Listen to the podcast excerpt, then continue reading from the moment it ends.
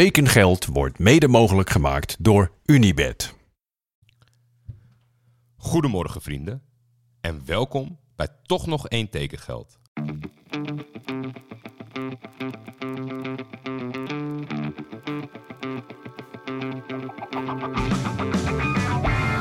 Waar gaat Hilterman naartoe?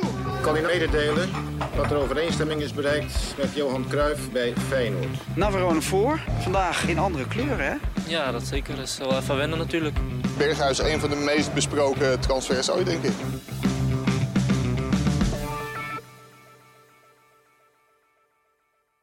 Iets zat mij niet lekker. En dat is namelijk het feit dat ja, een van mijn favoriete topics kon niet behandeld worden omdat iemand anders er niet bij was. En die iemand anders zit nu toch tegenover mij. Ja, we hebben de, de, de Zwitserse kluizen weer opengetrokken, eh, Jordi. Nog één keer. Nog één keertje.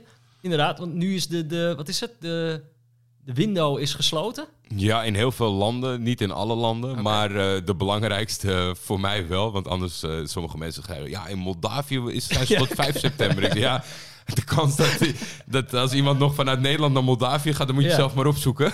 Ja, nee, de, de, de window is gesloten. Ja. En nu is het toch, denk ik, tijd voor wat bezinning. Ja, dat toch? denk nu ik kunnen ook. we eigenlijk, je hebt al die transfers gehad. En nu kunnen we ons afvragen, zijn het eigenlijk goede transfers of zijn het geen goede transfers? En daar is maar één maatstaf voor, toch? Is het toppie of is het floppy? Nou, dan gaan we. Alle 661. Dat vind ik wel slordig van mezelf. Ik heb het dus niet bijgehouden. Ik vond het ik, eigenlijk, ik zat te denken van dat is nog wel iets leuk voor de laatste aflevering. Dat je zo, nou, we hebben er 700 gehad of 600, Oh, ja. zoveel. Dat heb ik eh, niet bijgehouden. Vind ik, toch eh, een groot gemis. Ik heb ze wel allemaal gehoord. Dat je hier nog zit, eh, joh, trouwens. Jezus, man. Was het, eh, was het een slijtageslag? Eerlijk gezegd valt het wel mee. En dat komt ook een beetje omdat ik, denk ik, eerlijk gecommuniceerd heb naar de luisteraar. en ook toch altijd wel, als ik het echt nodig vind, mijn eigen plan trek. Dus een Mhm. keer met mijn vrienden op stap ga en dat hij dan wat later is. Ja. Uiteindelijk denk ik dat ik zo'n vijf à zes afleveringen van de 86 misschien verzuimd heb om eh, direct te leveren. Dat die pan klaar stond midden Ja. in de nacht. Dus, dus in die combinatie, kijk, op zich eh, je dag eindigen met even naar de mensen toe praten over wat er is gebeurd. Ik, Mhm. ik denk eigenlijk dat ik. eh eh men zegt helemaal van hoe gaan we het zwarte gat van tekengeld opvullen? En hoe ga ik het zwarte gat van tekengeld opvullen? Ja. Nou ja, nu, in eerste instantie dus niet. Door gewoon door te gaan. door gewoon nog een dag door te gaan. Ja, een beetje vals gespeeld. Ja, maar ja, dat, is, eh, dat moet kunnen. Maar ik had wel echt... eh, op een gegeven moment... Wat ik me afvroeg is ook... Ben jij echt anders gaan kijken naar de transferperiode... doordat je dit hebt gemaakt? Ik denk dat als ik het niet had gemaakt, dat ik dan een hele uitgesproken mening had over deze zomer. Kijk, probeerde ik gisteren ook aan te geven. eh, toen er een vraag kwam over eh, wat is de waarde van. en welke een- media van was dit? Want je bent overal aangeschoven. Dit was bij tekengeld. Oké, ja. ja. dit was eh media-wise een goede, goede week. Ja. Je kon mijn kop niet ontlopen. Als je me haat, heb je een rotweek Dat gehad. is, al, dat is altijd slim, hè? Om aan het einde een soort PR-offensief te doen. Als je niet meer bestaat. Ja. Ja, want het- misschien dat toch dan nog een paar mensen zouden denken van... nou, we gaan het best wel missen. Nee, zonder gekheid. Er was een vraag over eh, eh, de primeurjagers, de scoopjagers eh, online. En dat is natuurlijk wel heel veranderd. Sjoerd Moussou had er een, een paar tweets over en een, en een column over geschreven. En ik denk dat als je geen afleiding hebt... Kijk, ik had zoiets van, ik ben de hele dag daar niet mee bezig... want ik ben deze zomer aan het wachten op bevestiging. Ja, En wat dat betreft heb ik het dus misschien niet eens zo ervaren. Alleen vond ik wel, eh, mijn vaststelling gisteren, dat Fabrizio Romano komt in principe niet op mijn Twitter-tijdlijn voor. nee. Maar momenteel best wel veel. En er is natuurlijk ook een andere stap gemaakt. Ik ben wel benieuwd hoe je dat beschouwt. Is dat eh, gewoon ook eh, eh, journalistieke sites de scoopjesjagers gaan citeren. En dat, dat is ook gewoon weer... Maar is dat nou een klik? Is dat het vertrouwen wat ze hebben gekweekt? Eh, het bang zijn om laat te zijn? Ja, dit, volgens mij is toch de, de sleutel van een goede scoopjesjager... is denk ik toch de, de catchphrase. Ja? Daar gaat hij weer. Toch? Dat heeft hij, eh, Fabrizio Romano heeft al. Ja, ja, ja. En eh, de nieuwe Ajax Daar, daar gaan we. De nieuwe Ajax scoopjesjager heeft een rood vlaggetje. Ah, ja, ja precies als, dat als bedoel ik. emotie. Dat is herkenbaarheid. Ja, maar Maar zou jij boeken schrijven als ze één seconde later met andere namen overal in de boekenwinkel zouden liggen? Dat is een beetje gek, toch? Aan, aan, aan de primeurzucht. Je, je merkt wel, je krijgt een soort van status. De- op een gegeven moment, eh, als Freek Jansen heel veel Ajax-scoops hebt... dan willen mensen hem volgen. Is er nog nieuws, Freek? Dus daar kan het wel bij helpen, bij je eigen Ja. status... binnen, binnen ja, je concurrentie, Ja. wat je toch hebt als ja, precies. Ben je voetbaljournalist. scherper dan, eh, dan je concurrent, Ja. inderdaad. Maar, maar dit is dus iets... Je bedoelt, dit was je minder opgevallen als je die podcast niet had gemaakt. Zeker weten, want dan, dan zit je ook gewoon... Ik noemde ze een beetje het Candy Crush van, eh van de voetbaltransferwereld. Eh, het is gewoon een stukje verveling wat je, wat je weg, wegscrollt op Twitter. Mauro Icardi zit in het vliegtuig. Er is een binnenarchitect gestuurd naar Istanbul. Weet je, dan, ja, dan ga je je daarmee bezighouden. Terwijl dat heb ik persoonlijk niet zo gedaan. Als je misschien verder inhoudelijk gaat over, over wat je van de markt aan zich vindt, die je de hele tijd bespreekt. Ja, ik weet niet zo goed. Er zitten natuurlijk een heleboel verhalen in, in het type transfer dat is voorbijgekomen. Het ging van alle kanten, van jongens die hun laatste kans pakken in de tweede divisie van Cyprus, tot aan miljoenen transfers eh, richting eh, de grote competities. Ja. Ja, komt er iets naar voren? Dat weet ik. Denk aan de, aan de onderkant is dat er gewoon een hele grote groep is met een, met een bepaalde angst om te zeggen van het voetbal was tot hier en niet verder. Je bedoelt dat ze altijd dromen van nog een volgende stap? Ja, en, ja. en dat je zelfs dat je daarin eigenlijk je, jezelf al veel eerder had moeten stoppen. Als je 29 bent en je hebt een semi-prof contract bij Top Os, Ja. gaat het het dan nog worden in de tweede eh, Sloveense competitie? Dus jij hebt ook gedurende de periode heel vaak je, ha- je hart vastgehouden. nou ja, dat, ik, met, met buitenlandse transfers is het toch altijd van... ik hoop dat ze hun geld krijgen op het moment dat ik ze succes wens. Ja. Maar ik, ik vind dat toch ook wel een bepaald ding. Soms zijn er van die artikelen dat... eh, en dat ja, het is toch altijd een beetje hetzelfde profiel. Hè? Een, een, een speler die ook goed op school was... en, en daarnaast een opleiding heeft gedaan... die dan op zijn 3, 24 zegt... nou, hier heb ik helemaal geen zin meer in. Almere City, ik heb het nog een kans Ga toch bouwkunde doen. Ik ga toch eh, Ja. eh, verder met de andere kant van mijn leven. Ja. Maar ja, dan is ook de, de, de harde conclusie dat... Ja, misschien is het angst, misschien is het wel de vrijheid die je moeilijk vindt af te staan. Al met al, ja, kijk, we kunnen het het luizenleventje noemen. Je moet keihard trainen, maar net, al, misschien net ook, ook eh, qua dagbesteding heb je best wel een vrij leven als profvoetballer. Ja. Maar het is misschien ook gewoon toch de transferperiode. Toch een periode van dromen en fantasieën. Toch Zeker. dat iemand heel even bij zichzelf eh, toch de gedachte toelaat van... ja, maar misschien kan ik toch nog... Er is ook altijd een voorbeeld. Je kan je altijd aan één iemand vasthouden die wel uit de Cypriotische tweede divisie is. Bert. Esselink. Die, eh, die had eh, ja, volgens mij zijn kniebanden gescheurd of, eh, of zijn been gebroken. En die ging op het tweede niveau in Cyprus, speelde daar de pannen van het dak en speelt nu bij een Cypriotische topclub. Kijk. Dus er is altijd ergens een voorbeeld dat je denkt, stoppie. waarom zou het mij niet kunnen overkomen? Maar ik vroeg me ook af of je... Had je van tevoren verwacht...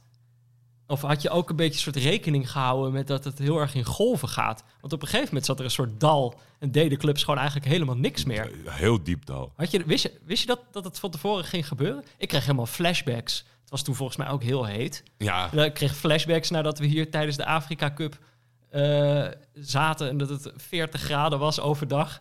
Dikke hittegolf en dat we dan naar drie 0-0 wedstrijden zaten te kijken. Angola, Tanzania 0-0. Ivoorkust is ook 0-0. Ja, nee, zo, zo voelt het ook wel een beetje. Want op een gegeven moment... ehm, kijk, de, de redding voor, voor, voor alles wat ik doe, wat wij hebben gedaan... is toch altijd wel de luisteraar. Die dan een soort van Ja. iets geeft om, om op voor te borduren. Maar als dat er niet is, dan, dan, kan, dan kan het bijna niet. Want je kan niet... Ja, ik heb het één keer gedaan. eh, dat ik zei, goedemorgen vrienden. Tot morgen vrienden. Er was vandaag niks. Ja, Maar er zaten wel afleveringen, meerdere afleveringen bij waar dat ook had gekund. En dat is natuurlijk net niks. Eén keer is nog met een knipoog wel leuk. Dus dan wordt het een beetje geforceerd zoeken. Maar ik had niet verwacht dat het in zulke extreme golven... Er waren ploegen in het begin heel zwaar bezig. Volgens mij Den Bosch is er zo eentje. En die heeft gewoon na die eerste week niemand meer gekocht. je moet er gewoon meer rekening houden met de podcasters. Nou, wat echt, het een beetje. ja, maar wat echt absurd is, is dat ze gewoon in het weekend niet werken. Ja, Had je dat, verwacht in de precies. voetballerij? Nee, nee, dat had ik echt totaal niet verwacht. Dat is inderdaad iets wat ik, eh, wat ik echt heb Dat vond ik echt compleet. En op een gegeven moment weet je het. En dan ga je toch weer dat je s'avonds aanschrijft. dat je denkt, nou, zal iemand dan misschien op zaterdag denken van... we ronden het af? Nee, de technische directeuren zijn dan gewoon bij hun gezin. Thuis. Ik vraag me ook af of dat dan in Nederland zo is. Of zou het, ook- is- is het Dat we daarom Europa vaak de boot missen, omdat we op zondag niet opnemen. Dat echt de, de echte stap naar de top gaat de Eredivisie pas zetten als we ook in het weekend Als de transfer gaan. eh, technisch directeuren wat harder zouden werken.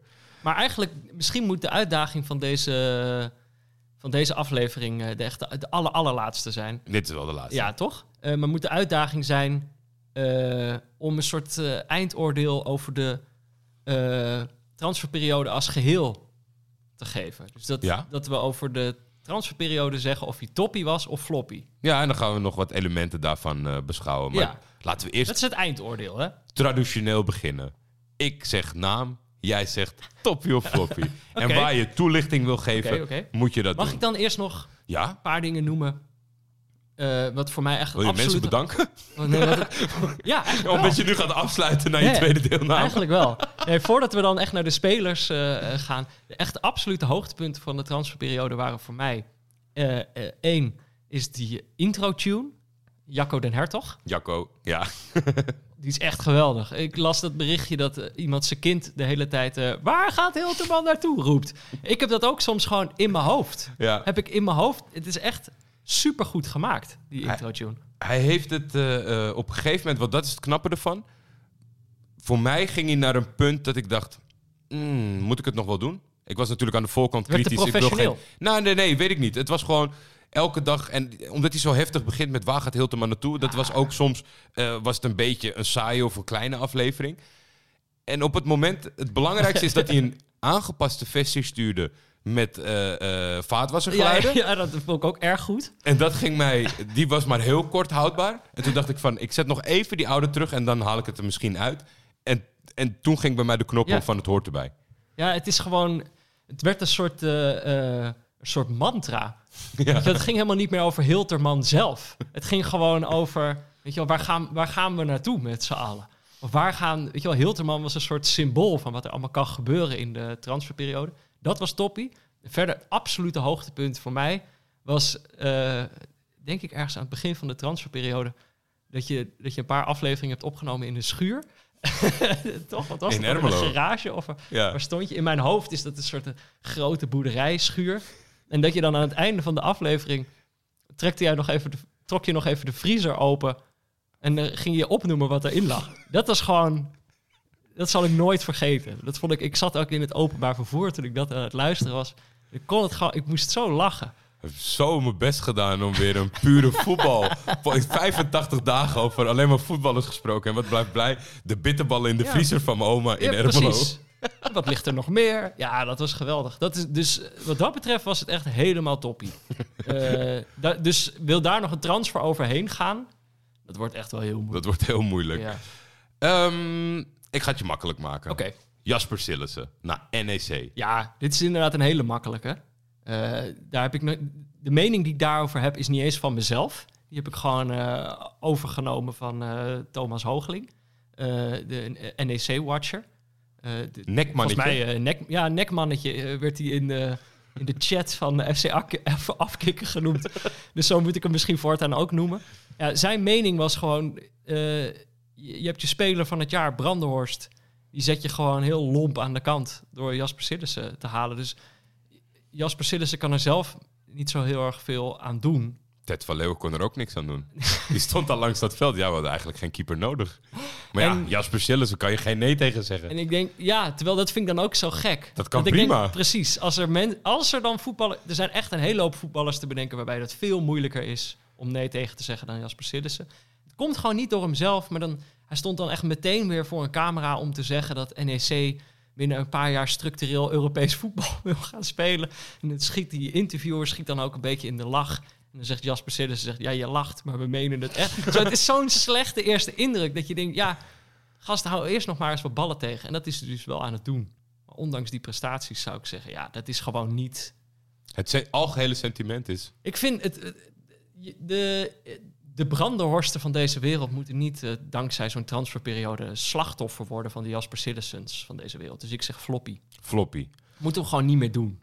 Nee. We ja, moeten geen dromen kapot maken tijdens de transferperiode. Niet als je, als je... In ieder geval niet als je goed bezig bent. Dat is, dat is een beetje, ja, je kan, je kan ook als hele slechte voetballer blijven dromen. Dan moeten we Ja. op een gegeven moment wel ingrijpen. Ja. Je, je- voor je tegen jezelf in bescherming nemen. Ja. Maar Branderhorst was niet zo slecht bezig. Nee. Eh, interessant voor jou vind ik uh, Rishai Zivkovic naar Emmen. Lang eh, eh, op andere, in andere landen gespeeld. Ja, die is echt op reis geweest, hè? Ja. Nou, dat is Emmen volgens mij een prima plek om dan neer te strijken, toch? Ja. Ja, moet ik- ja. Vertrouwen in Dick Lukien. dat hij hem eh, in gareel houdt. Ja, ik Het weet is een het niet. speler om in gareel te houden. Ja, is dat zo? Die jongen is toch ook al best wel oud inmiddels? Of valt dat tegen? Nee, dat valt echt Nee. vies tegen. Ja? Ja, Die is gewoon nog steeds 19. dat niet, maar hij was wel echt piepjong toen, Ja, hij, eh, toen hij doorbrak. Dus ik denk dat we over 25, 25, 26 praten.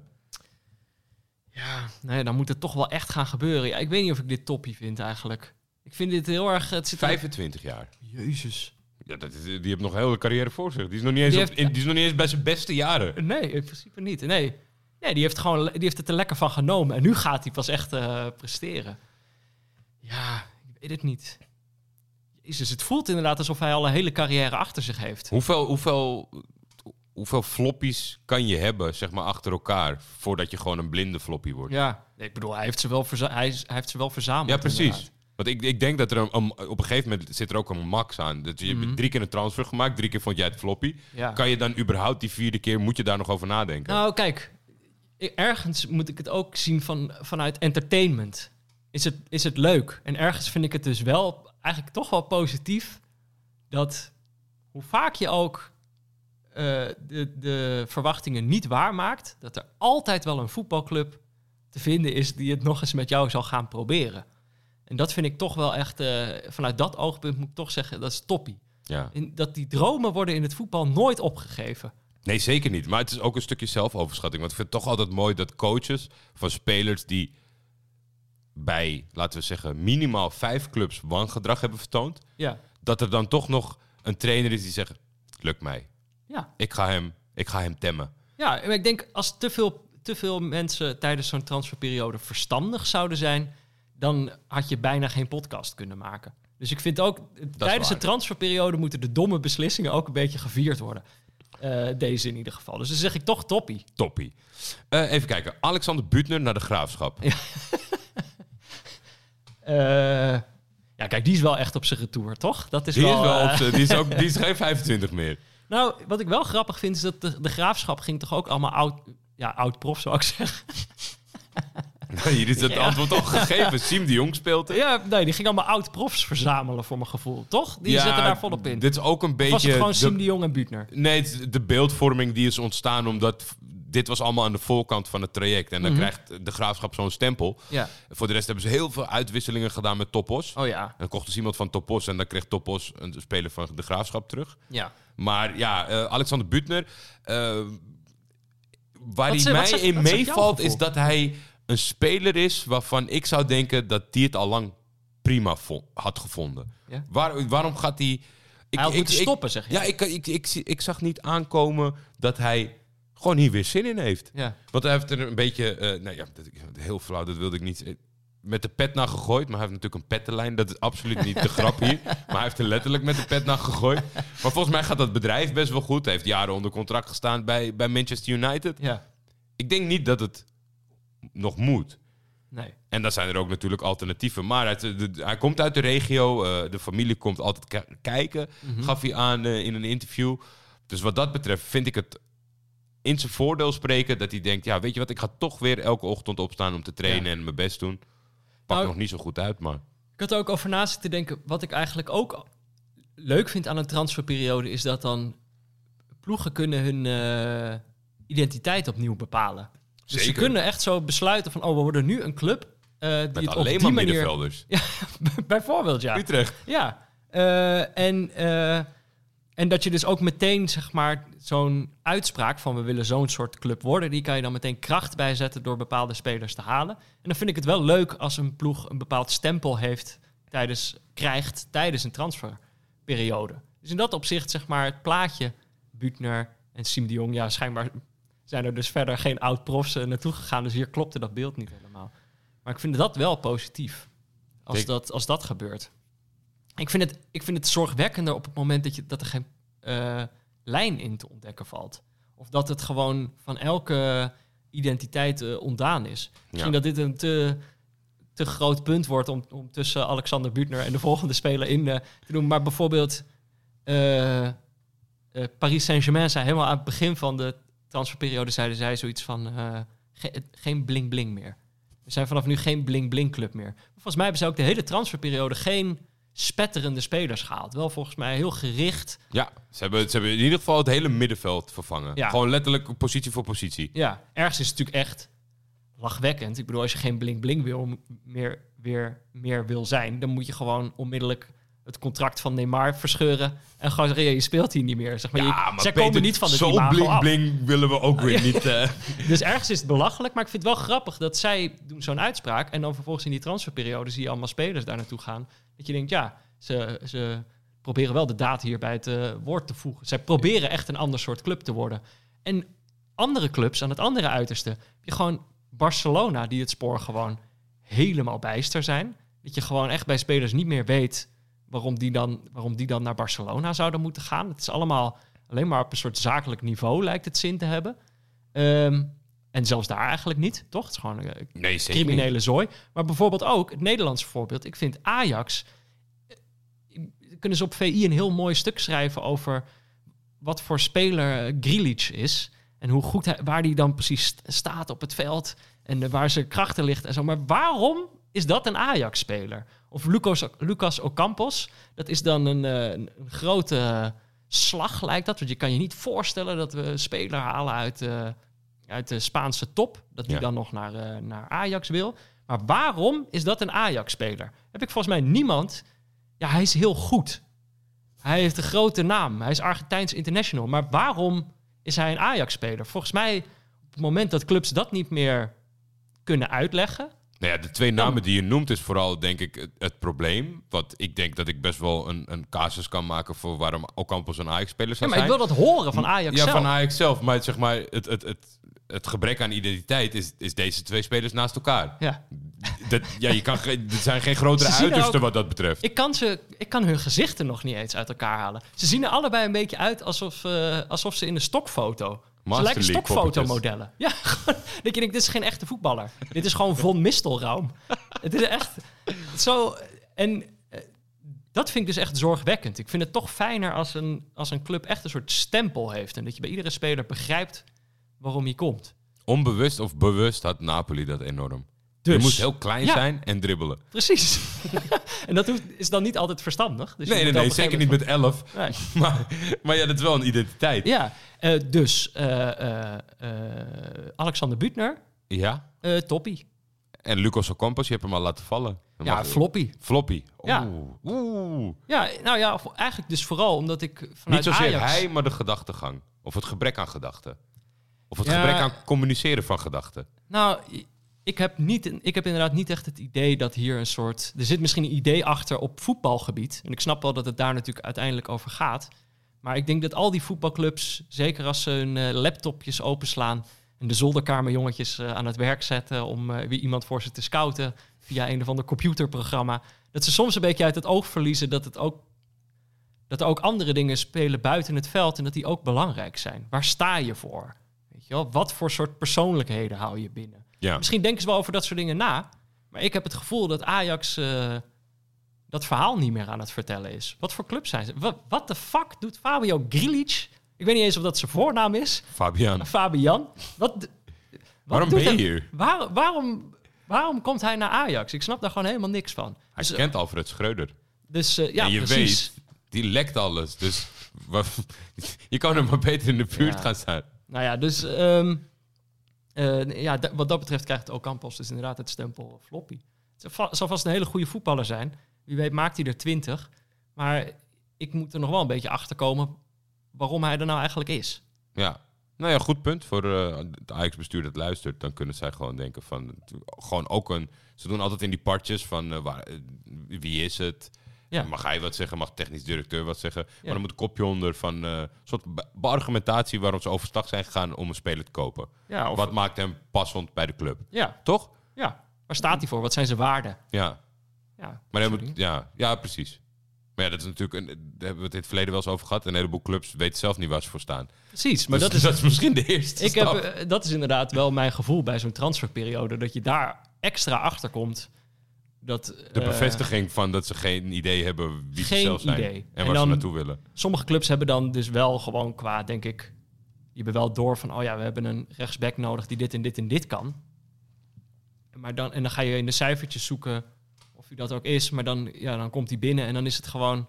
Ja, blijkt het een mens te zijn. En dan heb je ook menselijke aspecten nodig Ja. om te en ik, passen ik ergens. geloof wel dat ze daar allemaal op eh, checken en zo. Ze laten ze, ik bedoel, ze zullen vast wel een uh, persoonlijkheidstestje eh, doen. Of uh, wie weet zijn er clubs die kijken wat voor sterrenbeeld iemand heeft. maar uh, ja, nee, ik heb het gevoel... Ja, als, als uh, beschouwer van buitenaf heb ik het idee dat dat echt niet gebeurt. Heel erg benieuwd naar jouw standpunt in zaken Silla So. Ja. De transfersoap van ja, deze ja. zomer. Ja, dat is dus... Dan kom ik toch weer uit bij entertainment. Ik denk, en dat vind ik ook zo grappig aan voetbal, is dat natuurlijk gewoon... Alles daaraan is fout. Dit is moreel, is het zo verkeerd wat hij heeft gedaan. Ja. Toch? Ja, ja, ja. Dit is die jongen die, uh, die al in het vliegtuig zat om bij de ene club te tekenen. Wat was het? Uh, ja, ja, naar de, de graafschap, graafschap ging. Die ongeveer uh, 2,5 maand uh, in gesprek waren om alles, alle plooi glad te strijken. Het is gewoon, het is gruwelijk onbeschoft. Ik kan me niet voorstellen dat je dit gewoon over je hart kan verkrijgen om dat te doen. En natuurlijk is het voetbal dan juist een wereld waarin mensen dan altijd hun schouders ophalen en zeggen: Ja, maar dat is, dat is voetbal. Dat is voetbal. en onder dat mom mag je dus de vreselijkste dingen doen. Maar ik vind het dus ook wel grappig. Je mag al die vreselijke dingen ook doen, omdat het dus wel gewoon echt heel erg grappig is. En hier kan je dus gewoon rustig een week over, over praten. Maar ik denk ook, het is voor die jongen zelf toch ook verschrikkelijk. Je staat dan op dat veld, zeg maar, iedereen weet wat jij hebt gedaan. Ja. Je hebt zo'n, zoveel streepjes tegen je, voor mijn gevoel. Ja, nee, exact. Dat, is, dat, dat vind ik, maar dat, dat zei je al, als je het over je hart kan verkrijgen om het, om het in eerste instantie te overwegen, dan maakt dat, dat volgende wat je stelt ook helemaal niet uit. Nee. Want nou als ja. je dat kan, dan maakt het dus niet uit dat de tegenstander iets daarvan gaat vinden of dat mensen in de media daar iets van gaan vinden. Waarschijnlijk vindt hij niet dat hij iets fout heeft gedaan. En ik denk uiteindelijk zullen mensen het zo vergeten zijn op het moment dat hij goed voetbalt. Ja, behalve misschien de, de graafschap uh, supporters. Maar ik bedoel, als hij gewoon goed gaat spelen, schiet er een hoop ballen in. Dan gaan we het al gauw daarover he hebben of zo. Maar op het moment dat het heel even tegen zit, dan is dit volgens mij een extra lading. Waardoor je gewoon uh, niet meer erbovenop komt bij zo'n club. Is dat ook een, een, een stil, maar gigantisch probleem van de voetballerij? Dat als je scoort of wint, dat alles Ja. vergeten en vergeven wordt?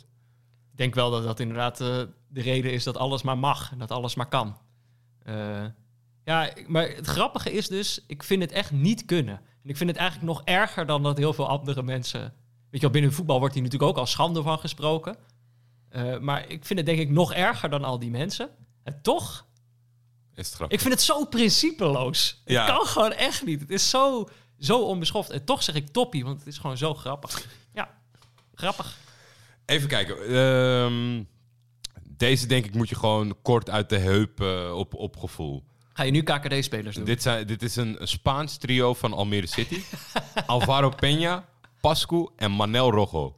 Zij Ja. hebben dus drie knijter ervaren Spanjaarden gehaald. eh, Oh. Die eh, tussen, tussen, nou ja, in hun, in hun jonge jaren bij clubs zaten van naam die jij ook kent en die iedereen kent. Bilbao, et cetera. Mhm. Ja. En dan zo geleidelijk een beetje afbouwen, derde, tweede niveau.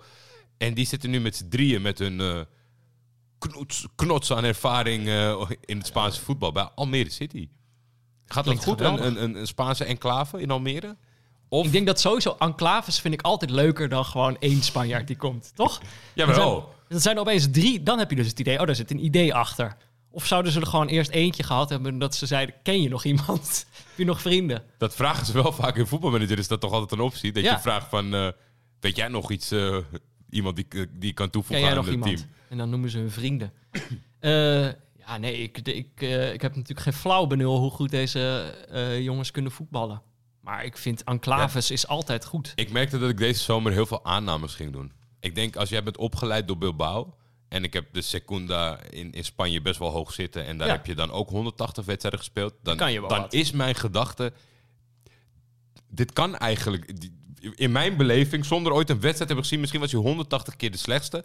Maar toch denk ik, ja, dat, dat moet toch gewoon de beste voetballer zijn in Almere. Dat kan niet anders. Ja. Want ja, gewoon zonder. Ik heb best wel vaak aannames gedaan op basis van gevoel. Ja. Terwijl, ja, ik heb ook zoiets dat als je, als je heel slecht bent, kom je nooit aan 180 profwedstrijden. Weet je, dus daar, daar kan je best van uitgaan dat zo'n jongen voetbalt. Kan voetballen. ja. Maar ik zou het ook heel leuk vinden als diegene in Almere net zo denkt als ik. Dat hij is- het ook niet weet. Ik denk ook gewoon... eh, Uiteindelijk zit er dan bij Almere waarschijnlijk toch iemand op een positie die durft te dromen. Toch? Die denkt, die denkt gewoon, waarom halen, we die waarom halen we niet gewoon wat Spanjaarden? Terwijl heel veel andere clubs volgens mij denken, woont er nog iemand in de buurt? Ja. Kennen we, weet je wel, die dan gewoon in de, in de KKD zelf kijken. Van zijn hier, of die kijken welke jongens vallen net buiten de boot in de eredivisie. Halen we die dan... eh, het zijn allemaal heel, wil niet zeggen veilig, maar weinig fantasierijke keuzes. Het is natuurlijk wel gewoon drie Spanjaarden. Ik denk wel, je krijgt het harder terug op je bord als het helemaal niks wordt. Dan is het zo, ja, wat doen die gasten hier? Ja, maar dat, dat vind ik ook altijd. En ik snap niet waarom trainers en zelfs toptrainers, misschien wel de allerbeste trainers, daar ook altijd in vervallen, zeg maar, in bevriende spelers. Het ergste wat je jezelf kan aandoen is volgens mij je eigen nationaliteit halen op het moment Ja. dat je in het buitenland bent. Ja. Beste voorbeeld is natuurlijk eh, de behoorlijk Nederlandse enclave in Barcelona. Ja. Maar dan, ik dacht ook bij Erik ten Hag van... Ja. Moet je nou allemaal oud-bekenden halen? Want het straalt op jou af. Het, het afbreukrisico is Mhm. zo groot. Aan de andere kant, als jij er zo in gelooft, dan, dan, dan, dan snap ik het wel. En nu is misschien nog een klein beetje mazzel met Martinez en Anthony dat geen Nederlanders zijn. Ja. Als dat ook twee Nederlanders waren geweest. Je weet elke fout, eh, al is het een foute inspelbal die niet nadelig tot gevolg wijst ze naar jou. Ja. En waarom heb jij eh, je landgenoot gehaald dan? En dat is wel vervelend aan een enclave, is denk ik dan toch dat die andere twee dan ook meteen... Ja, die gaan mee in de penari. Ja. Maar dat, eh, volgens mij staat me dat nog wel bij van Barcelona. Omdat er was best wel contrastverschil in, in kwaliteit. Of niet misschien vooraf, maar wel wat ze daar hebben laten zien.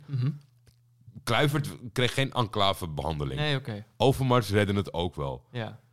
Dus het kan wel, maar dan moet, dan moet je wel heel goed voetballen. Wil je niet meegenomen worden van ah, die kut Nederlanders.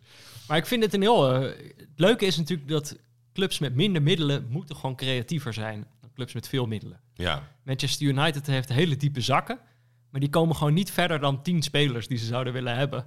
Dat is toch gewoon. En, en dan Almere City, die hebben waarschijnlijk gewoon eh 500 mensen. En dan halen ze er een paar. ja. Dus ik vind dat is eigenlijk wel. eh, daarom gewoon wel toppie. Dat vind ik wel leuk. Ook omdat het creatiever is dan zou hoeven. Nou ja, eh, leuk voor de, voor, de, voor de club van eh Jerry Hilterman om te horen. Ja, Bijna de cirkel rond. Ik wil afsluiten met Amin Younes. oh ja. Ja, die Geen middenvelder. terug in Nederland. Nee, ja, ik denk dat iemand dronken was bij, eh, bij Utrecht. Of dat iemand juist een keer nuchter was. Die zei van, het zo ook is gewoon... Of dat het er op de site gewoon niet handig meer uitzag. Dus als je dan zo scrolt, dan heb je zo'n lijstje met de verdedigers. En zo'n lijstje met middenvelders. Ja, dat konden de- gewoon, er paste niks meer bij. te veel kolommen. Nee, Amin Younes. Heb je daar een... eh, ik, ik- ten eerste, Ik schrok eigenlijk. Want toen hij veel speelde, wat was jouw gevoel destijds bij Amin Younes? Had je een gevoel bij Amin Younes? Ah, dat is ik, zo moeilijk voor te stellen, omdat natuurlijk... Daarvoor moest je het met eh, nog minder doen, voor mijn gevoel. Dus daarvoor... eh, Hij was een impactvolle aanwist in het begin. Ja, en ik vond het wel eigenlijk wel leuk dat hij ook een beetje onderschat eh, werd. Dus dat hij ook vaak wel gevaarlijker was. Dat hij zo klein is. Dat hij ook, ja, ik weet niet, hij maakt ook altijd een Zal hij beetje nooit verlegen indruk. niet onderschat... Ja, precies dat. Zal hij nooit niet onderschat worden? Door hoe die is? Ik denk dat ze nu bij Utrecht hem aan het overschatten zijn. Ik denk Ja? dat die kans heel groot is. Ja, of... Ik, maar ik Een verbaas... mooie Europa League fi- finalist. Dat, dat kan je gewoon erop plakken. Maar wat ik me eigenlijk wel... Waar ik me over verbaasde, was dat hij... Hij zat ergens... eh, waar zat hij nou? Saudi-Arabië. Saudi-Arabië, ja. En ik dacht, ik had eigenlijk nog in mijn hoofd zitten dat hij gewoon ergens tot de Europese subtop was doorgedrongen. Toch? Want dat Ja, was op een nee, gegeven maar- moment toch gebeurd. Hij had wat Duitse interlands gehad. Ik hij dacht maakte dat hij wel van Ajax een transfer naar Napoli. Ja. Daar had hij op een gegeven moment na een, een een klein beetje... kon dribbelen. Ja, nee, precies. Ze paste binnen de clubcultuur en de identiteit. Ze hebben gewoon een soort filter daar staan. van Als je onder 1,70 bent, Je hebt geen medische keuring, maar je moet alleen langs die muur lopen of je erin mag. is dat soort zo allemaal streepjes op de muur met potlood. Ze hebben zo'n mannetje staan. Oh nee, dat werkt andersom natuurlijk. Dat je de achtbaan pas in mag als je, als je groot genoeg bent. Ja, precies. Ze hebben een soort deurpost. Als je er onderdoor kan lopen, dan mag je, Dan mag je naar binnen. Ja. Eh, daar ging je naartoe.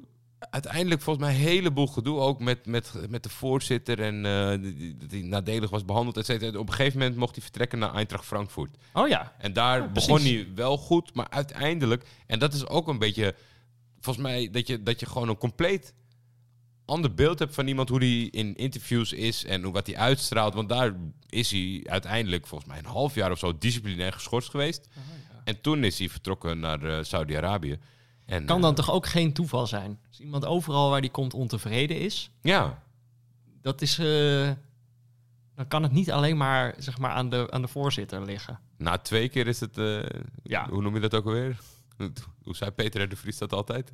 Eén keer is toeval, twee keer is... eh, ja, die Opvallend en drie keer is een patroon of Ja, zo, zoiets geloof ik. Ja, maar het is dan, Dan toch gaan wel de Peter R. de Vries fans gaan mij helemaal kapot maken omdat ik het net verkeerd heb net verkeerd om... eh. Ehm, Maar eh, ja, ik weet niet. eh, ik vind het. Ik vraag me eigenlijk een beetje af waarom hij naar Utrecht wil. Eh, is dat dan ook een soort droom? Toch weer, toch weer een beetje in de picture komen? Ik las ergens, ja, hij wil weer bij het Duitse elftal komen, maar. Dat ik kan mij niet Europa herinneren dat FC Utrecht ooit een Duitse international heeft afgeleverd. Maar Nee, Jean precies. Paulisson, als je luistert, corrigeer me. Ik heb geen ruimte meer voor rectificaties, maar ik zal het wel twitteren. Nee, ja, meest ons... Ja, nou ja, aan de andere kant. Ik denk wel dat als je international bent geweest, Ja, kan je een boel meer maken om op te vallen. dat is waar. Stel dat hij nog nooit international was geweest, dan zouden we hem nu al eigenlijk zouden we in de auto moeten stappen naar Utrecht rijden en zeggen: van, Younes, dat, dat kan niet. Maar omdat hij het wel is geweest, denk ik wel dat je een soort van in een soort algoritme zit van de Duitse Y-scout van hé, hey, Younes voetbalt weer, wat heeft hij gedaan? Ja, ja maar daar zou dan toch ook Saudi-Arabië tussen moeten staan. Maar ja, zou die daar ook weer ruzie hebben gemaakt dat hij daarom weg is? Disciplinair gescoord. Ja, hij is wel transfervrij overgekomen volgens mij, wat ik begreep. Dus eh, ja, dan. eh, Maar ik ben, ja, ik heb eigenlijk geen, geen flauw idee. Ik denk dat hij, hij is volgens mij wel beter. Maar dat is dus zo gek. Bij Ajax was hij denk ik beter dan dat mensen dachten. En bij Utrecht is hij denk ik, wordt hij toch iets minder goed dan dat mensen hopen. Ehm, Heb je dan wel meer, meer gevoel bij een Mitchell Dijks? Dacht ik, ik geef je, ik geef je een, een, een Ajax-seat op het eind waar je, waar je, waar je een gevoel bij had of zo. Ja, eh, Mitchell Dijks is nu volgens mij toch vastgelegd eh, door Vitesse. Beetje de, de nog voetballende Andy van der Meijden geworden. Met heb ik, nou, eh, ik heb nog geen toppie of floppy gezegd bij Younes. bij toch? Younes. Nee, oké. Want ik denk dan dus dat dat eh, floppy wordt. Maar ik denk zelfs al scoort hij negen keer, dan nog zullen ze zeggen, ja, het is, al- het is niet, omdat ze dus te hoge verwachtingen van hem hebben. Hij kan ze niet waarmaken. Dat denk ik. Oké. Ehm, omdat het voelt als een soort catch, toch? Een buitenkansje. Dat Ja, nee, ja, eh, Utrecht, eh, een team vol buitenkansjes. Ja. Ja, dat, dat is. Ik denk dat Utrecht sluit meer aan bij het gevoel dat jij bij de graafschap hebt. Gisteren had ik een rijtje dat je echt denkt: Nick Viergever, Mike van der Hoorn, Jens Ja. Het is echt een soort. eh Je hebt ook allemaal oud-profs. bene- benefietwedstrijd van, eh, van, van middelmatige De afscheidswedstrijd van Siem de Jong. Ze zijn allemaal nog een keer komen opdraven. Eh, ja, en uh, Ruud Vormer, die moet er nog bij. Het is en een middenvelder en precies deze in dit straatje. Mitchell Dijks naar Vitesse. Ja, Mitchell Dijks, volgens mij is dat een, eh, een is dat dus iemand met, eh, met een goede persoonlijkheid. Ja. Toch? Die gaat niet zo gauw mot maken, geloof ik. Nee, Die jongen is zeker lekker aan het yoga. Die lacht veel. Werkt zich helemaal de pleuris, geloof ik. Mhm. Dus ik denk dat dat wel toppie is, ja. Toppie. Maar ik vraag me wel af... Hij zat dus wel gewoon op een dood spoor in Italië. Dat zij gewoon hebben gezegd van oké, eh, ga maar. Ja, ik vind het altijd lastig dat als je, zeg maar, dit, dit zijn type spelers waar je niet blind wat kan van vinden. Op het moment dat iemand je mening vraagt, terwijl je niet elke week kijkt. Want Ja. hij heeft hele periodes gehad dat hij vaste waarde was. En dan is hij weer op een zijspoor beland. En dan eh, vecht hij ja. zich weer terug. Of dan maakt hij een binnenlands transfer. Dus ik moet heel eerlijk zeggen, afgelopen seizoen heb ik hem niet voorbij zien komen. Eh, in de, ik, hij heeft wel voor mij een hoog, wat ik net zei, Andy van der Meijden gehalte. Dat ik, hij is heel leuk. Ja, ja, ja. Maar hij moet niet elke dag verschijnen, zeg maar. Dat, dat gebeurt ook niet. En de- ik denk dat ik het misschien de leukste dingen voorbij zie komen... omdat ik hem niet volg op social media. ja. Maar ik, ik vind dat hij een heel hoog Andy van der Meijden gehalte heeft. Ja, ja, ja. En het kan ook zijn dat ik misschien een beter beeld van hem heb, omdat ik eh, hem soms door de war heb gehaald met Hans Hatenboer. Toch? Die zijn in je hoofd kunnen, zitten die ergens bij elkaar in de buurt. En Hans Hatenboer heeft natuurlijk echt dikke carrière gemaakt in de Serie A. Mitchell Dijks denk ik stond ook in de belangstelling van iemand, maar dat weet ik niet meer. Dat is uiteindelijk niet doorgegaan. John Gozens mocht vertrekken. Ja. Teun Koopmeiners heeft het daarover genomen. Niemand heeft het meer over de flauwe rotgrapjes van Martin de Roon. Teun is de koning van Bergamo. Dat zag ik ook niet helemaal aankomen. Nee. Ja, eh, vind ik eigenlijk wel grappig dat... eh, er komt dan geen... geen ja, er is eigenlijk voor dat type speler is er maar één oplossing, denk ik. En dat is naar Galatasaray gaan om, om het tegendeel te bewijzen in mijn gezicht elke week. Want ja, Ja. Ik, ik vond het lastig altijd om in te schatten. Natuurlijk, de experts, hij staat ook wel eens in oranje en dat soort dingen. Mhm. Maar ik denk, ja, Teun Koopmeiners naar de subtop tegen de to- top aan van Italië. En die is daar gewoon echt moeiteloos begonnen. De, gisteren scoorde hij een penalty, dus die status heeft hij al. Ja. Volgens mij lopen er nog een paar rond daar die een eh, aardige trap hebben. Die zag ik niet helemaal, eh, helemaal aankomen. Ja, Mitchell Dijks, de laatste, de laatste toppie. Ja, jawel. Denk het toch wel. Ja, denk dat ik daar toch wel toppie op moet zeggen. Alhoewel, ik- ja, ik vraag me dus wel af wat daar gebeurd is. In Italië. Ja. Eh, überhaupt, eh, het, was van de week een onderwerp bij Hekkensluiters. Überhaupt het concept transfer window. Je, nou ja, door tekengeld zal je er gedurende de zomer best wel Mhm. eens aan Ik ben me nooit hebben. zo bewust geweest van een transferperiode. Nee, precies. Je, je weet dat die open is, maar in ieder geval zeker in de beginfase leeft het nog niet zo. En Ja, ik kan me gewoon nog herinneren dat ik vroeger op vakantie was met mijn ouders. En dat je dan, als je dan in het dorpje was, dat je dan snel eventjes op de kranten ging kijken of Ruud van Nistelrooy al naar Real Madrid was, bijvoorbeeld. ja, Dat was eigenlijk, voor de rest had je dan, was je drie weken op vakantie en dan kwam je terug en dan, ja, je toch uiteindelijk pas in die wedstrijden kwam je erachter. ja, of dan toch ook eh, vi.nl of zo, dan toch maar kijken wat er precies gebeurd was. ja. Maar dat het nu gewoon zo. Eh, het is echt een evenement, wordt ervan gemaakt. En dat denk ik wel, dan is het. Is het een leuk evenement? Nou, het duurt gewoon veel te lang. Dus ik denk, als je toch. Als je het op Tel die, mij wat. als je het met die intensiteit zeg maar wil beleven. Want jij hebt, dan, jij hebt je gewoon nog strikt bij de feiten gehouden. Als iets rond was, als, eh, als de handtekening was gezet, dan eh, maakte jij er pas melding van. Maar ja, dus de, gewoon dat, dat elke dag die luchtfietserij. Ik denk dat je dat, je dat wel een beetje moet. eh, dat dat wel een beetje beperkt moet Ja, worden. en ook- maar was dat waar je naartoe wilde? Nou, Of- niet, ik, ik, ik weet eigenlijk nooit als ik aan een sim begin waar ik naartoe wil. Er zit geen, eh, er zit geen grotere, groter verhaal of grotere boodschap eh, in. Maar ik, ik was gewoon weet je, een beetje benieuwd, waar, omdat je het dan ook een keer heel bewust hebt meegemaakt voor een langere periode. Of Ja. je dan ook een soort van vaststelling hebt gehad. Ik denk dat het, het, het nadelig is dat de mensen die er heel veel baat bij hebben, dat het zo lang duurt en, en Mhm. dat je dat ook goed kan uitbuiten, et cetera. Die zitten nou eenmaal aan de verkeerde kant van, het, eh, van de mensen die erover mogen beslissen. Ja. Want een heleboel mensen, passief of actief, of, die zijn wel tot deze conclusie gekomen. Van het moet afgekaderd, het moet niet meer door een start van een seizoen heen. Precies. Uiteindelijk lijkt het daar niet naartoe te gaan. Maar ik denk dat je ook een heleboel negatieve aspecten van een transferwindow... want het is niet allemaal negatief, maar die ook uitsluit door middel... want je, je bent verplicht je voorwerk en je voorbereiding te doen... En, en je onderzoek te doen op het moment dat je weet van... nou, we hebben na, na het einde van de competitie eh, twee weken vakantie... en dan hebben we een maand om de selectie samen te stellen. Ja. Nu heb je natuurlijk... Kijk, het buitenkansje komt, ontstaat alleen maar omdat je je laat overrompelen. Ja, en omdat het bijna afgelopen is. Iedereen gaat tot, tot het einde zitten wachten tot buitenkansjes, toch? Ja, en je geeft ook, want dat is natuurlijk ook een vaak voorkomend ding. waarom, eh, waarom heb je niet eerder getekend? Ja, even afwachten. Ja. Wat er nog, want dan Alexander Butner, slecht voorbeeld omdat hij echt daar wilde spelen en daar zijn carrière wil, wil afbouwen. Maar Ja. in een normaal scenario dat, dat Alexander Butner net wat beter in de markt ligt. Mhm. En de graafschap zegt, jongen, kom lekker thuis. Oh, ik wacht nog wel even. Ja. Kijk of er een, eh Nog wat beter er een langs. buitenlandse Ja. club- En dat ga je allemaal uit de weg. En dat zou zo fijn zijn. Maar in, in, in die zin, wat ik net noemde, met dat clubs soms geen idee hebben wat ze doen, geldt dat natuurlijk ook voor spelers. Sommige spelers gaan ook gewoon. Sommige spelers hebben volgens mij een heel duidelijk idee. Ik wil naar zo'n soort club Ja, waar die stabiliteit zit, waar een trainer zit met het idee waar ik in pas. En sommige spelers die denken gewoon Serie A, vet. ja. En dan gaan ze gewoon.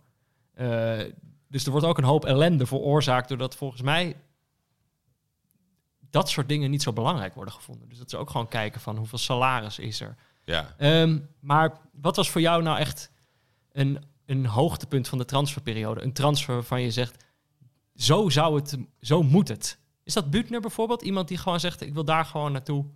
Sluit het lekker hier Ja, af. gis- gisteren heb ik het op, op Twitter gedeeld. En, en dat is heel raar, want het was een, het was een verlenging. Maar een contractverlenging. Dus iemand Ja. die niet wegging. Was dat die, eh die, Franse? Fofana, ja, Ja. Bij, bij Lans. En, en ik zit altijd een beetje in de, in de ja, nostalgische, eh, romantische hoek. En dan denk ik, ja, weet je, ga ook een keer met je tijd mee. Niet eh, elke keer die oude lullen verhalen. Maar Mhm. ehm, wat dat, dat is een wel overwogen beslissing. Zeg maar, die jongen doet het al. Hij speelt daar pas twee jaar. En eh, doet het ontzettend goed. Had heel veel interesse. Kon, nou, laten we gekscherend zeggen, bijna overal naartoe. Hij kon ook, had ook kunnen zeggen, ik stop met trainen. Ik train niet. Dat had zeker gekund. Mhm. En ik denk dat hij het heel moeilijk ermee heeft gehad. Maar soms vergeten de spelers, en zeker hun entourage, wat, wat een speler bete- betekent. En dat, ik, ik, ik, ik vond dat zo mooi dat, dat, dat het iemand wel raakt, zeg maar, Ja. het feit. Want het probleem is natuurlijk, alle stadions zitten gevuld met mensen die verwachten dat de mannen op het veld net zoveel van die club houden als zij. Ja, Maar dat is, dat is een beetje weg. ja, En Ja. we willen dat niet voor waar aannemen, want dat zou natuurlijk een bepaald eh, emotie eh, haalt het weg. Want ja, maar we voeden het denk ik ook zelf. Doordat je overal ook, als het, tijdens zo'n transferperiode, als het gaat over spelers die interesse krijgen, dat er ook heel vaak wordt gezegd, ja, maar als, dat, als er zo'n bedrag op tafel ligt, dan kan je ook niet weigeren. Natuurlijk kan dat wel. ja, Heel veel van de voetballers, en dan heb ik het niet over de jongens in de KKD, maar daar, daarboven, die hebben het gewoon goed. Al die gasten die bij Ajax gaan zitten weigeren om te trainen omdat ze een soort stap kunnen zetten, je hebt het al supergoed. Zeg maar, eh, en het is niet je in- kan het- gewoon het, is nee niet in, het, het werkt niet in je nadeel om mee te werken. Dus om gewoon jezelf te blijven en dan kan, dus zeg maar, de interesse van Manchester United is er voor Anthony. ja, Super vet. Eh mijn zakenwaarnemer gaat daarover regelen. Ik blijf gewoon mijn dingen doen en ik hoor wel of ik mijn koffer moet inpakken of niet. Dat is niet heel raar om zo te doen. Op een gegeven moment, zeg maar, de spelers geven zelf vaak aan.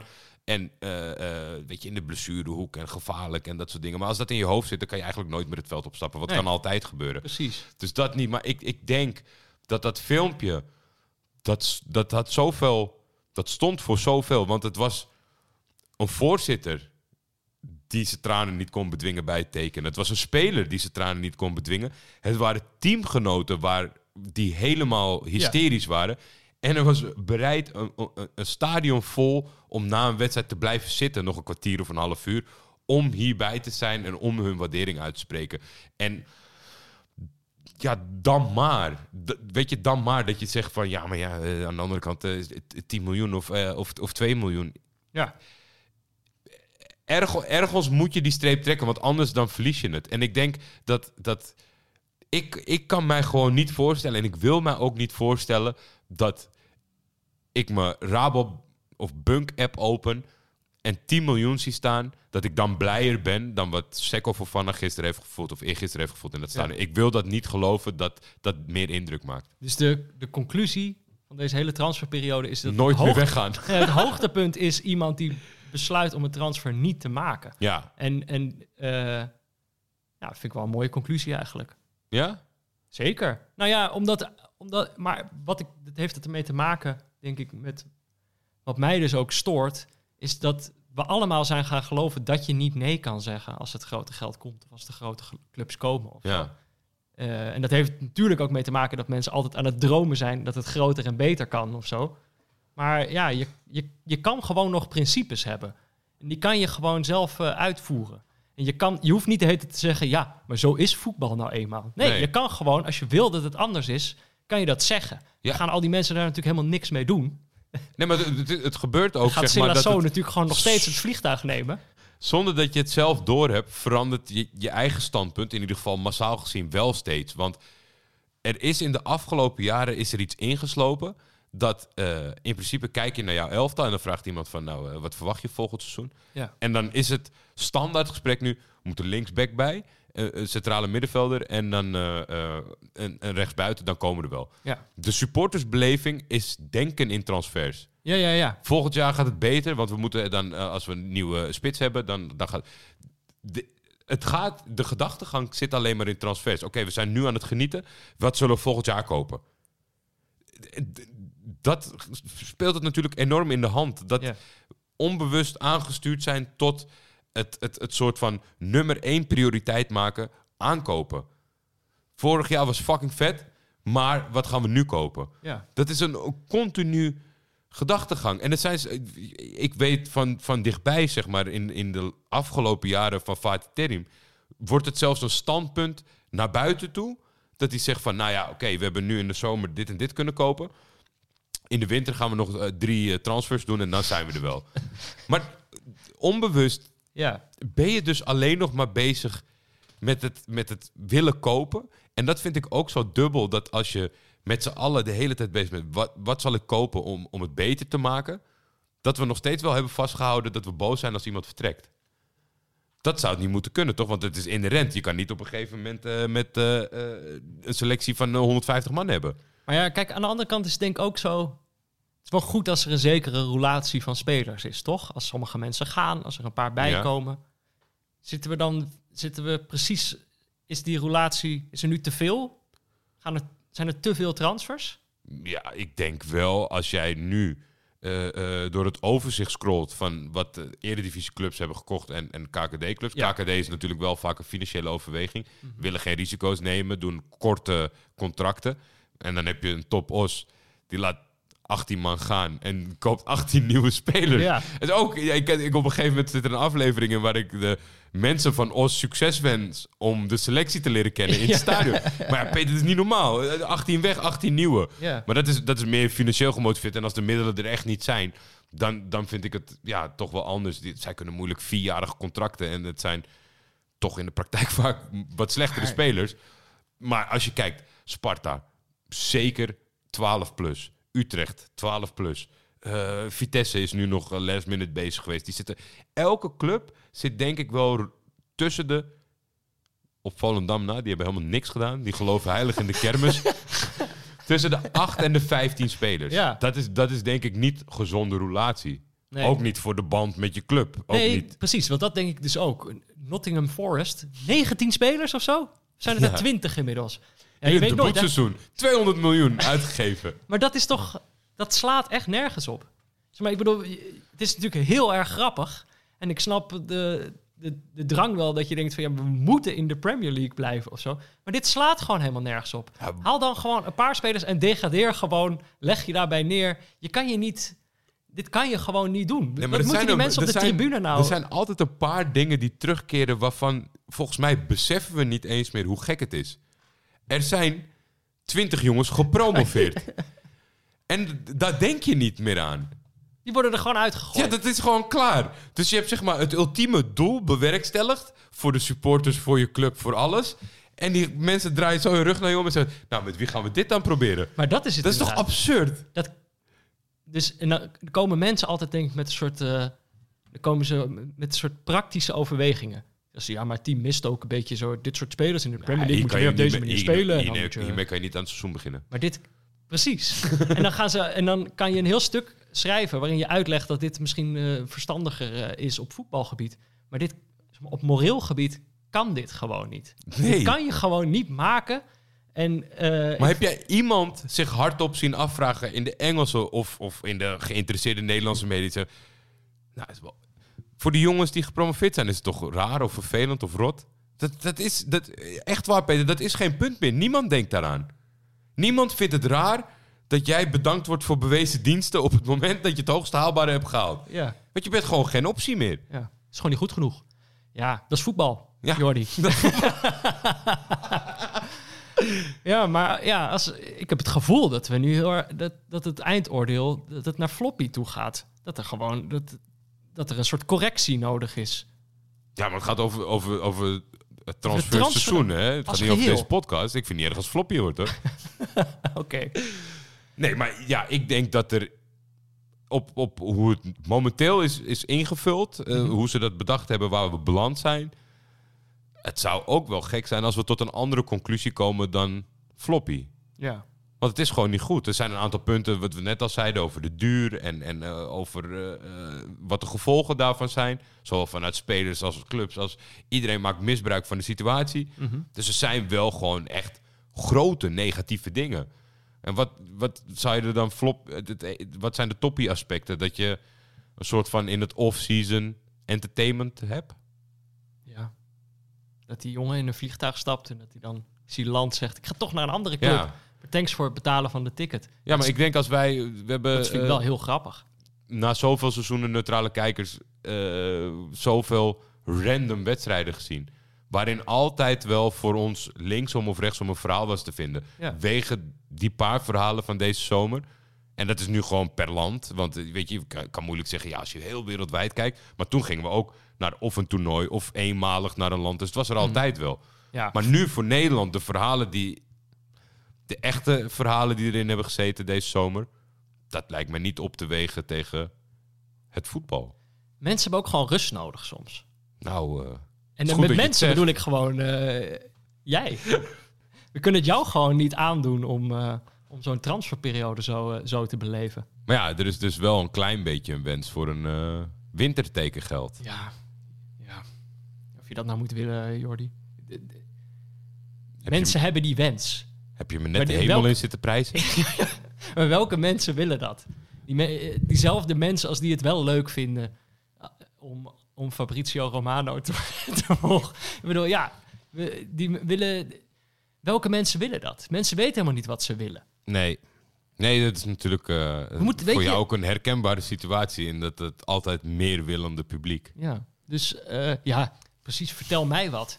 maar maar ja, ik zat misschien eerst gewoon toch maar... dat ze gewoon toch maar weer eerst gewoon gaan voetballen. Al die voetballers. Toch? Ja, dat vond ik ook netjes van mezelf. ons want, eens eh, daarop. ik- natuurlijk eh, eh, vanuit mijn verleden, maar ik denk ook deze zomer heel neutraal opgesteld. Weinig over Galatasaray gaan, weinig transfers die kant op, dat soort zaken. Ja. Maar ook wel gewoon dat ik dacht van, ja, succes met jullie clubs. Ja, Nu kan je eindelijk gaan bonden met je team. precies. Nou ja, en dat is goed nodig. Tot, eh, Hè? Neem het eh, clubboekje maar mee naar huis. Ja. Alle namen uit je hoofd leren. Maar dat is natuurlijk ook, eh, is ook rottig, dat je pas... Je, je zit al, sommige clubs zijn al in crisis. Ja. Maar nu pas weet je zeker wie, wie er in jouw elftal zit en wie niet. Ja. Stel je bent afgelopen vier weken fan geworden van een speler die toch nog is vertrokken. Dat is ook rottig. Ja. Nou, een crisis, dat is bij iedere club. Hebben we denk ik wel vastgesteld. Heel veel clubs die te kampen hebben met een identiteitscrisis. Identiteitscrisis, ja. Dus eh winterteken geld, nou, dan moet er eerst nog wel even eh, een beetje gevoetbald worden. Moet er een boel gebeuren nog. Ja. Ehm, Maar eerst mag jij gewoon lekker even uitrusten. Ja, dat ga ik zeker doen. Dat ga ik zeker doen. Ehm, ja, moeten we denk ik toch wel uit jouw mond horen de, de definitieve conclusie over Ja, het kan niet een anders. Kan, ik bedoel, eh, de... Of moet ik zeggen deze? Of, of gewoon een transfer window? Nee, deze. Deze. Deze. Ik bedoel, we hebben allebei... Het is een periode van dromen. Wij mogen ook allebei dromen van dat het ooit beter wordt. Toch? Ja, Dus dan eh, niet het elke probeer altijd realistische ja, ja, precies. Ik, ik, ik droom heel recht toe ik recht zie jou, aan. ik, zie, ik heb die blik. Ik herken opeens die blik dat je denkt... Waar, voel ik me opeens weer zo naïef. Eh, ja, kijk... En misschien is dat wel wat we nu nodig hebben. Die Ja. naïviteit. Ja, maar- omdat, het, omdat het zo ver weg lijkt. Precies. En dus we moeten allemaal de realiteit onder ogen komen, denk ik. Als luisteraars van Tekengeld, waar ik er één van ben, moeten we de realiteit onder ogen komen dat zoals het nu gaat, dat het echt dat het niet normaal is. En eh, er zijn leuke kanten aan, maar eigenlijk is het natuurlijk gewoon niet leuk. Dus dan moeten we toch zeggen floppy. Floppy, sluit ik me helemaal mee aan. En ik zou het Eh, mooi vinden. Maar voor de podcast Tekengeld, toppie. Dankjewel daarvoor. Ik, zei- ik denk dat op het moment dat ik zeg maar weer die naïviteit kan, zou kunnen omarmen, dat is als er wat wordt gedaan wordt aan voetbalclub Barcelona. Ja. Ik denk dat dat is de meest haalbare. Als die club ineens stort, dan durf ik ook wel weer te dromen. Echt ja, als, als er daar een soort van eh, eh, wet en regelgeving gaat gelden, of dat er gevolgen gaan zijn aan het eh, Ja. totale fictieve, de fictieve situatie die ze daar hebben gecreëerd. Zolang die club doen. bestaat, zijn we reddeloos verloren. Ja, dus Succes, Frankie. en Memphis. Veel plezier komend seizoen. Peter, mag ik jou bedanken? Mag ik jou bedanken, Jordi, voor alle afleveringen. Namens alle tekengeldluisteraars. Het was een, eh, het was een genot. En eh, ja, we gaan dat, eh, dat zwarte gat, dat moeten we gewoon vol in met z'n allen. We Ja. gaan dat gewoon meemaken. Daar komen we vast wel weer uit. Zeker wel. Dan ga ik toch nog één keertje zeggen. Tekengeld is een Schietvogeltje Media Original. De intro is van Jacco den Hertog. Voor commerciële vragen en of samenwerkingen kun je mailen naar schietvogeltjemedia.gmail.com Maar ja, niet meer voor commerciële samenwerkingen of commerciële vragen, want het bestaat niet meer. Ah. Als er een goed aanbod komt, Jordi. je, weet- je weet Dat niet is wat voetbal. Peter. Dat is voetbal. Dat is voetbal.